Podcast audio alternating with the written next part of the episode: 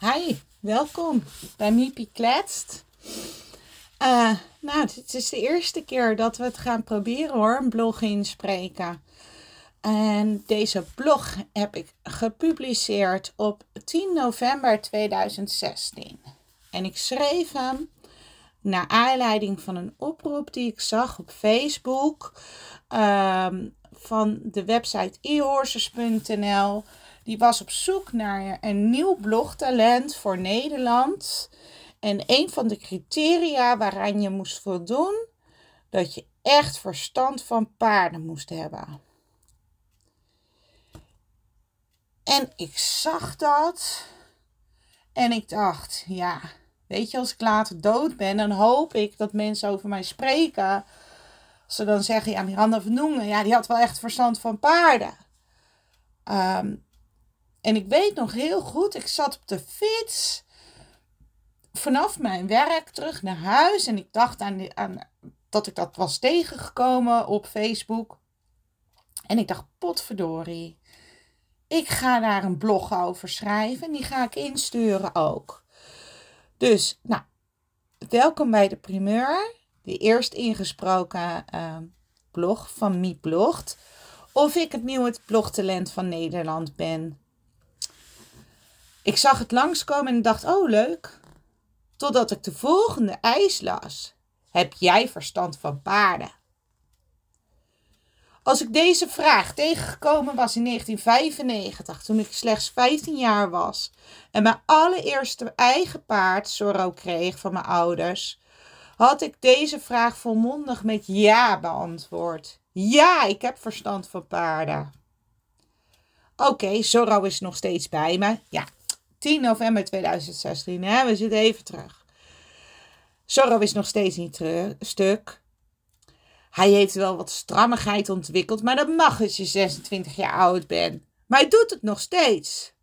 Dus ergens, ergens zal ik dingen met mijn paardenverstand goed gedaan hebben. Naast alle foute dingen waarin ik hem, ons heb blootgesteld. Of misschien waaraan. Toch als ik toen wist wat ik nu weet, ik zou het echt heel graag overdoen. Maar in 1995 was ik er echt van overtuigd, na bijna tien jaar manegelessen gereden te hebben, dat ik echt verstand van paarden had. En niet alleen dat, ik had ook nog echt de overtuiging dat ik onwijs goed kon paardrijden. Herkenbaar? Wanneer heb je echt verstand van paarden? Ja, dat vroeg ik me af.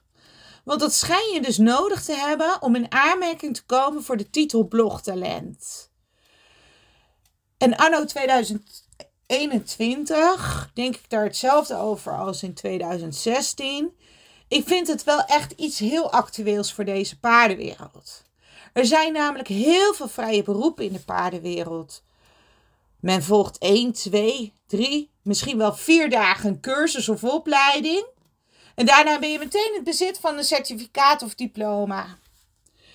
Deze opgeleiden zijn zo enthousiast en gaan reclame maken via social media en komen zo aan het werk. Maar zijn dat mensen met echt het verstand van specifieke dingen over paarden? Ik zal je een voorbeeld geven. Ervaring uit eigen werk paardenmassage. Dat had al enige tijd mijn interesse. Ik had een boek aangeschaft en deze stond ongelezen in de boekenkast. Via via vernam ik dat er bij mij in de regio een workshop paardenmassage gegeven werd. Uiteraard schrijf ik mij hiervoor in, want jullie weten inmiddels, ik ben een bijscholingsjunkie.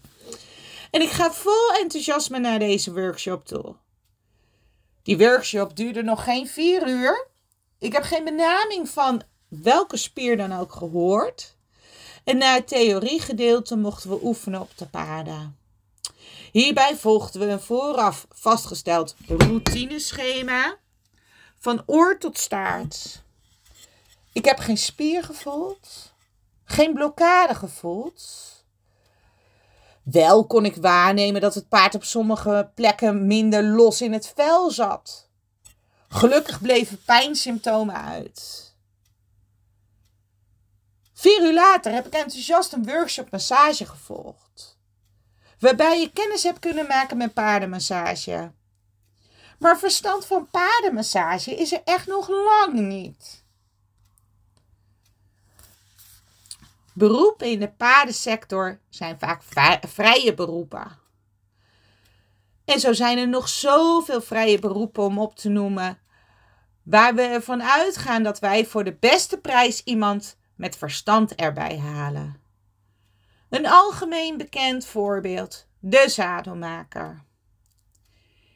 Iemand die mij al 21 jaar bijstaat en fantastisch werk verricht. Iemand die ik volledig vertrouw. Wordt op fora en social media afgedaan als iemand zonder verstand van zaken. Ik weet tot waar het zadel mag komen op de paardenrug. Ik weet ongeveer hoe het moet aanvoelen als ik controleer op knelpunten, maar daar houdt het ook echt mee op. Dan moet ik vertrouwen op de expert die verstand van zadels en hoe deze moeten liggen heeft. En dan ook nog over het kundige oog beschikt, waardoor hij of zij met minimale aanpassingen aan het zadel een immens groot verschil zou kunnen maken op de kwaliteit van de beweging van het paard. En laten we vandaag de dag ook niet uh, de ruiter en hoe de ruiter beweegt in het zadel vergeten. Als je dat kan, dan heb je wel echt verstand van zadels. Maar dat staat echt niet garant dat deze persoon ook echt verstand heeft van paarden. Paarden zijn gevoelige wezens. Paarden zijn zulke grote, maar zulke gevoelige wezens. Met ieder hun eigen karakter. De genoten opvoeding die dat karakter deels gemaakt heeft. Om verstand te krijgen van alles betreffende het houden van paarden. De omgang met paarden. Succesvol in de sport met paarden. Daar bestaat echt geen opleiding voor. Dat is gebaseerd op theorieën, maar vooral door opgedane ervaring in de praktijk, aangevuld met het delen van ervaringen met andere mensen. In de paarden ben in de wereld van paarden, sorry, ben je nooit uitgeleerd.